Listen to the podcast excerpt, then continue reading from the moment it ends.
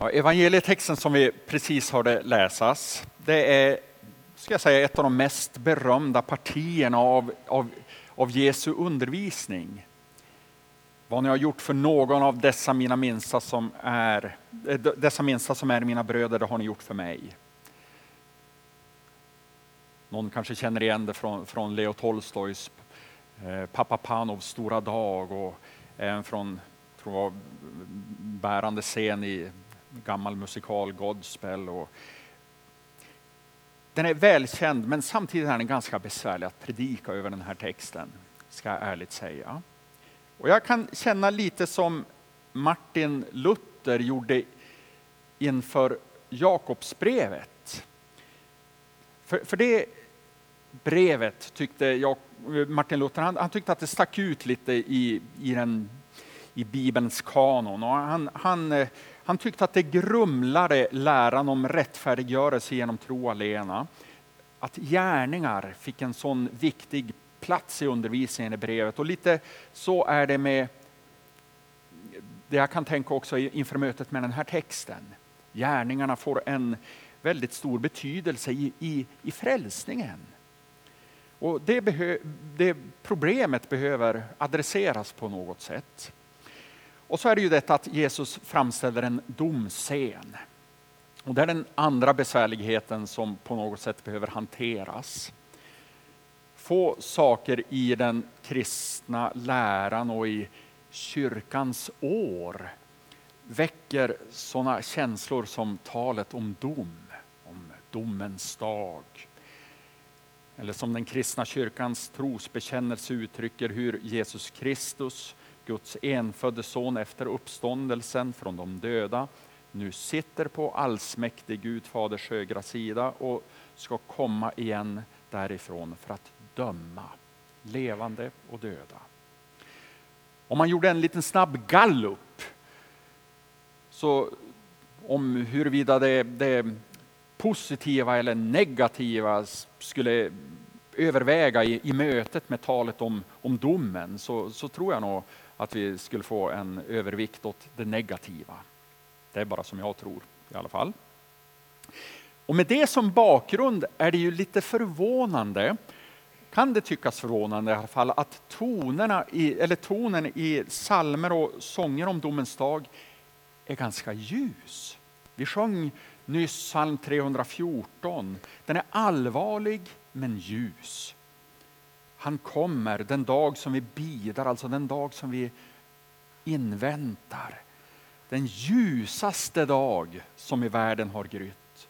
Den dag som vår tro med beskådande kröner, alltså det som vi har trott på ska vi en gång få se. Den dag då döden är dödad och synden försvunnen. Han kommer att stilla de sörjandes trängtan. Han kommer att fylla de heligas längtan. Vari består det hoppfulla, det ljusa i tanken på en domens dag? Ja, det första man skulle kunna säga är hoppfullt. Ja, vi kan tycka att tanken, tanken på en eh, dömande och hämnande Gud är osmaklig och motbjudande. Det, det, så en del kan tänka så, men det finns en sida av det här som vi i den fredliga delen, och vi lever sannerligen i den fredliga delen av världen, att vi lätt missar. Men som teologer från krigsdrabbade områden ser väldigt tydligt. Och det är detta, tanken på en dömande Gud gör det möjligt att förlåta. Och det stoppar våldsspiraler. Hämnden är inte vår utan Guds. Allt kommer att ställas till rätta en dag, antingen genom Kristi försoning eller genom domen. Och det är hoppfullt. Och det andra hoppfulla man kan se, det är att Bibelns ord om en kommande domens dag ger grund för en tro på att Gud till sist ska göra världen rättvis. Rättvisa ska skipas också för de offer som i tysthet aldrig fått eller får någon rättvisa i detta livet. Alla människor längtar efter en rättvis värld. Men frånvaron av rättvisa är så plågsamt påtaglig.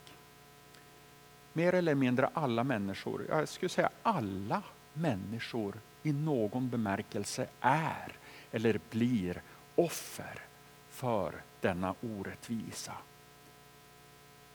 Offer för meningslöst och slumpmässigt våld, tragiska människoöden som aldrig får någon nyhetsbevakning eller ens en runa tecknad över sig i Göteborgs-Posten. Vi kan ana dem i nyhetsrapporteringar när vi hör om offer för självmordsbombare på olika platser i världen eller offer för förryckta väderfenomen någonstans i världen.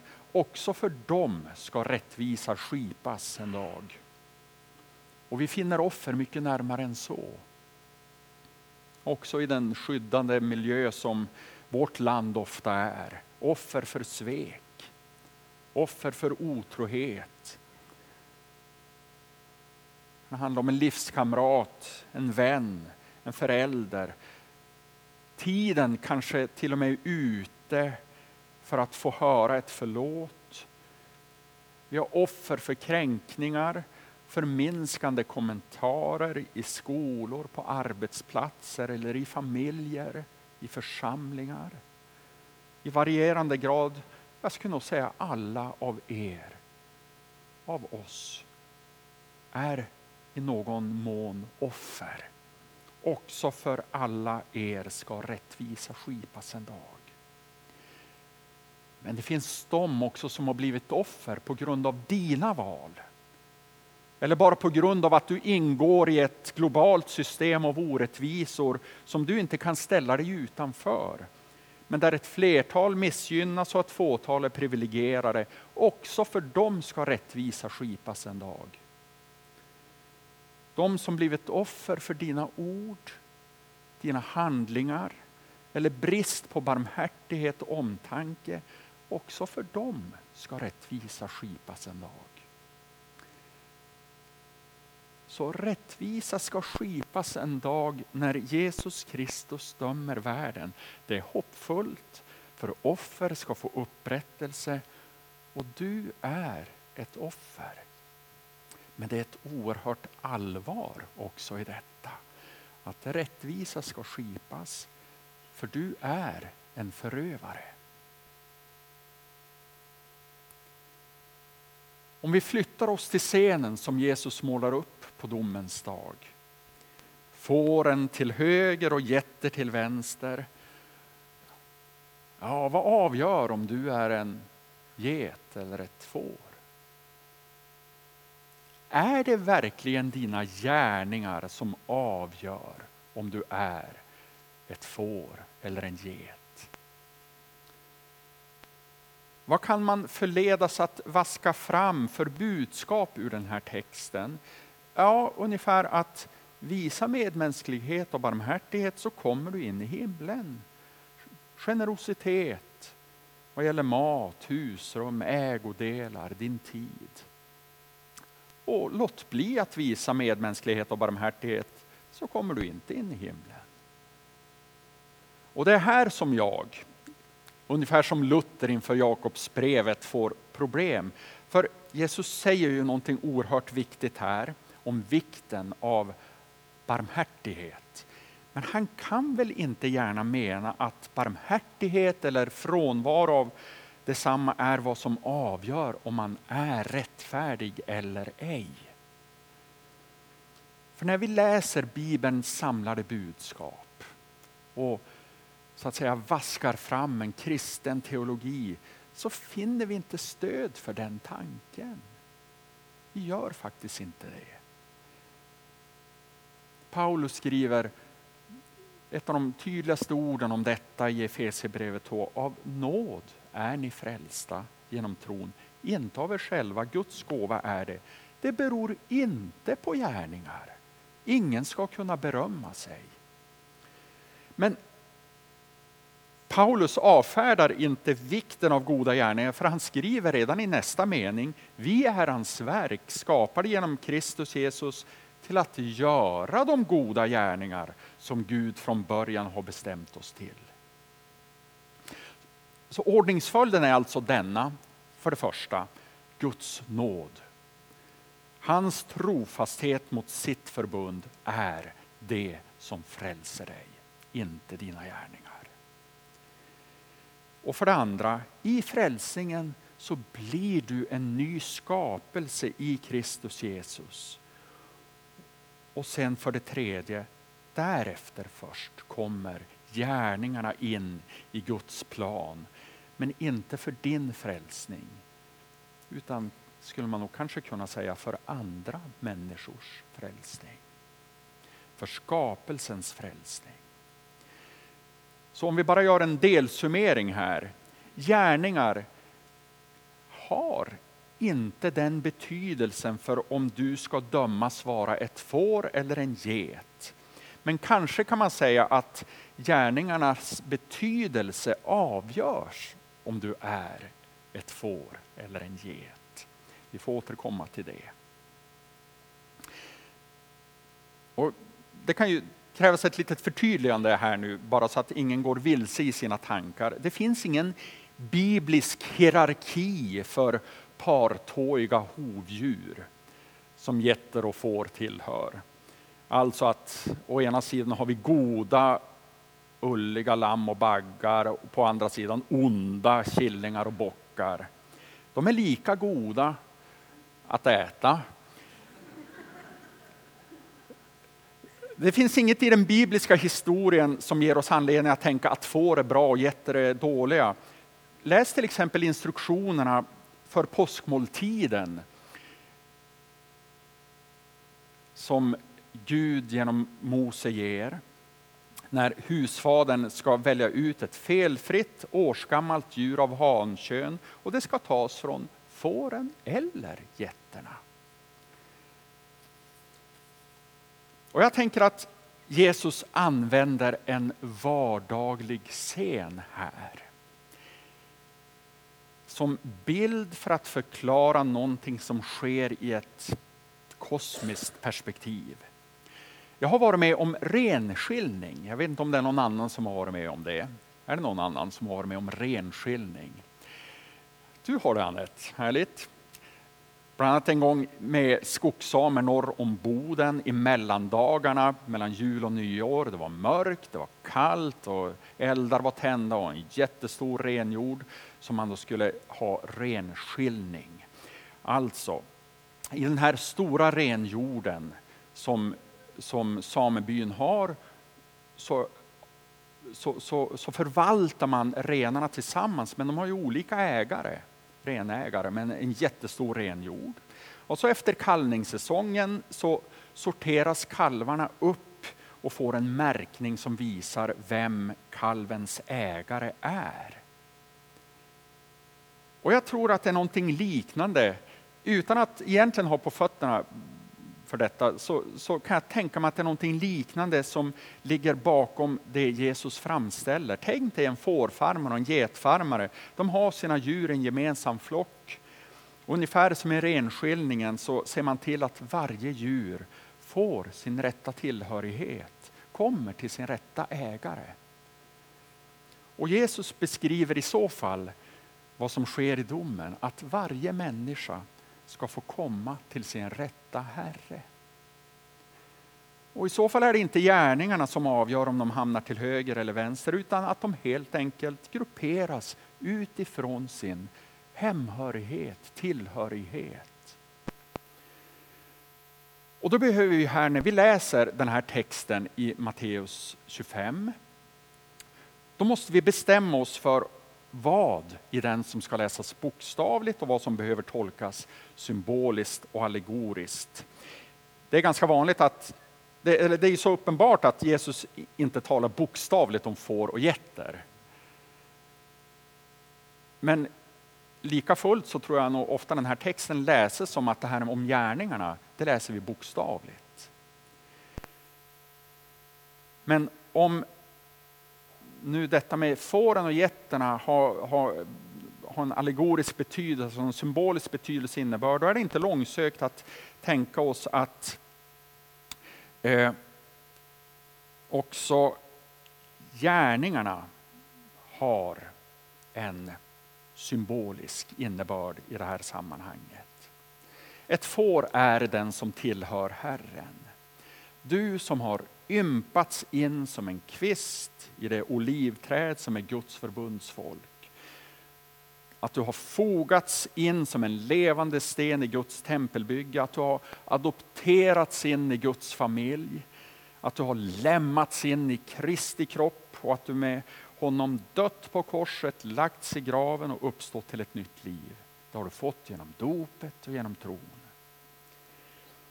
Och I och med att vi då inte förstår får och getter bokstavligt utan symboliskt, då är det inte orimligt att vi också i fårens gärningar och getternas uteblivna gärningar söker en symbolisk innebörd. Och då tänker jag så här, när kungen riktar sig till fåren så är det Jesus som riktar sig till kyrkan. Och de gärningar som kungen noterar hos fåren är det som vi kan känna igen som kyrkans uppdrag i Jesu efterföljd. När Jesus i början av sin gärning kommer till synagogan i Nasaret, vi läser om det i Lukas evangelium, fjärde kapitlet, då, då använder Jesus Jesaja 61 för att formulera någonting som skulle kunna kallas för en programförklaring för, för Messias kallelse, uppdrag. Herrens ande är över mig, ty han har smort mig till att frambära ett glädjebud till de fattiga. Han har sänt mig att förkunna befrielse för de fångna och syn för de blinda, att ge de förtryckta frihet och förkunna ett nådens år från Herren. Det uppdraget har fåren, de rättfärdiga, utfört i Kristi efterföljd. Det är kyrkans uppdrag att ge mat åt hungriga och dricka åt de törstiga. Och Jesus Kristus är livets bröd och han har det levande vattnet. Han säger den som tror på mig, den som kommer till mig skall aldrig hungra och den som tror på mig skall aldrig någonsin törsta. Fårens uppdrag, kyrkans uppdrag, det är att ge människor till Jesus. Guds ord, dopet, nattvarden. Att bli kristen, det är att lämna hemlösheten och komma hem. Att bli en kristen är att kläs i nya kläder, i dopets nya kläder. Att bli kristen är att helas och bli befriad. Men här får man vara lite försiktig för en allegorisk, symbolisk tolkning den kan förvisso befria gärningarna från att få en frälsande funktion som de inte har. Men det är inte tillfredsställande att helt överge den bokstavliga betydelsen av gärningarna i liknelsen.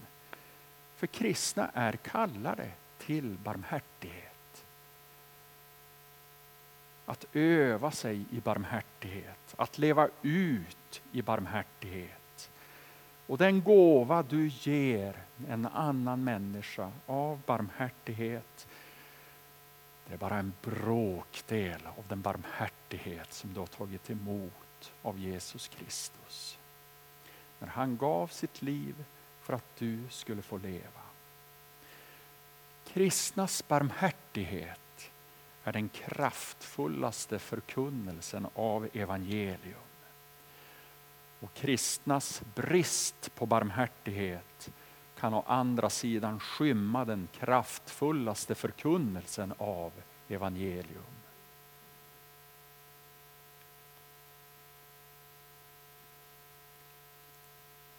En tolkningsnyckel för gärningarnas plats i det här sammanhanget det är, tänker jag, att se att livet som kristen det är ett liv i en kärleksrelation med Gud i Jesus Kristus.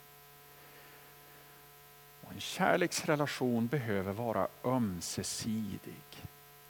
En relation där den ene, enbart den ene betjänar den andra där betjänandet aldrig går i den andra riktningen. Det är en osund relation, det är en ojämlik relation, det är en dysfunktionell relation. Som kristen får du leva i en nära relation till Gud genom Jesus Kristus. Han har gått till den mest extrema ytterlighet för att betjäna dig och du kan betjäna honom tillbaka. Och Jesus vill här få dig att se honom själv i dina medmänniskor. Vad du gör för någon av dessa minsta som är mina bröder, det gör du för mig, säger Jesus.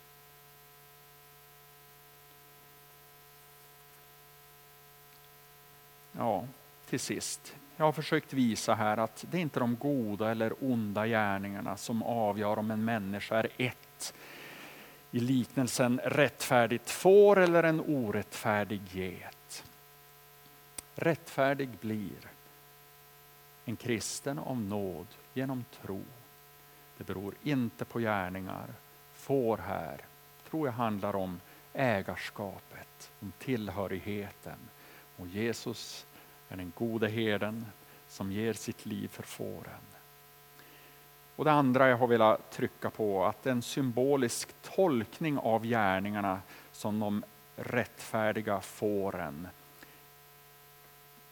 hjälper oss att sätta dem i sitt rätta perspektiv och i sitt rätta sammanhang. Men för det tredje, den bokstavliga tolkningen får inte överges. Gärningarna dina gärningar är inte frälsande, men inte desto mindre är de viktiga för dina medmänniskors frälsning. Och barmhärtighet är det sätt som du kan betjäna Gud i den personliga relation som han har bjudit in dig i. Amen. Kan vi få resa oss och tillsammans bekänna vår kristna tro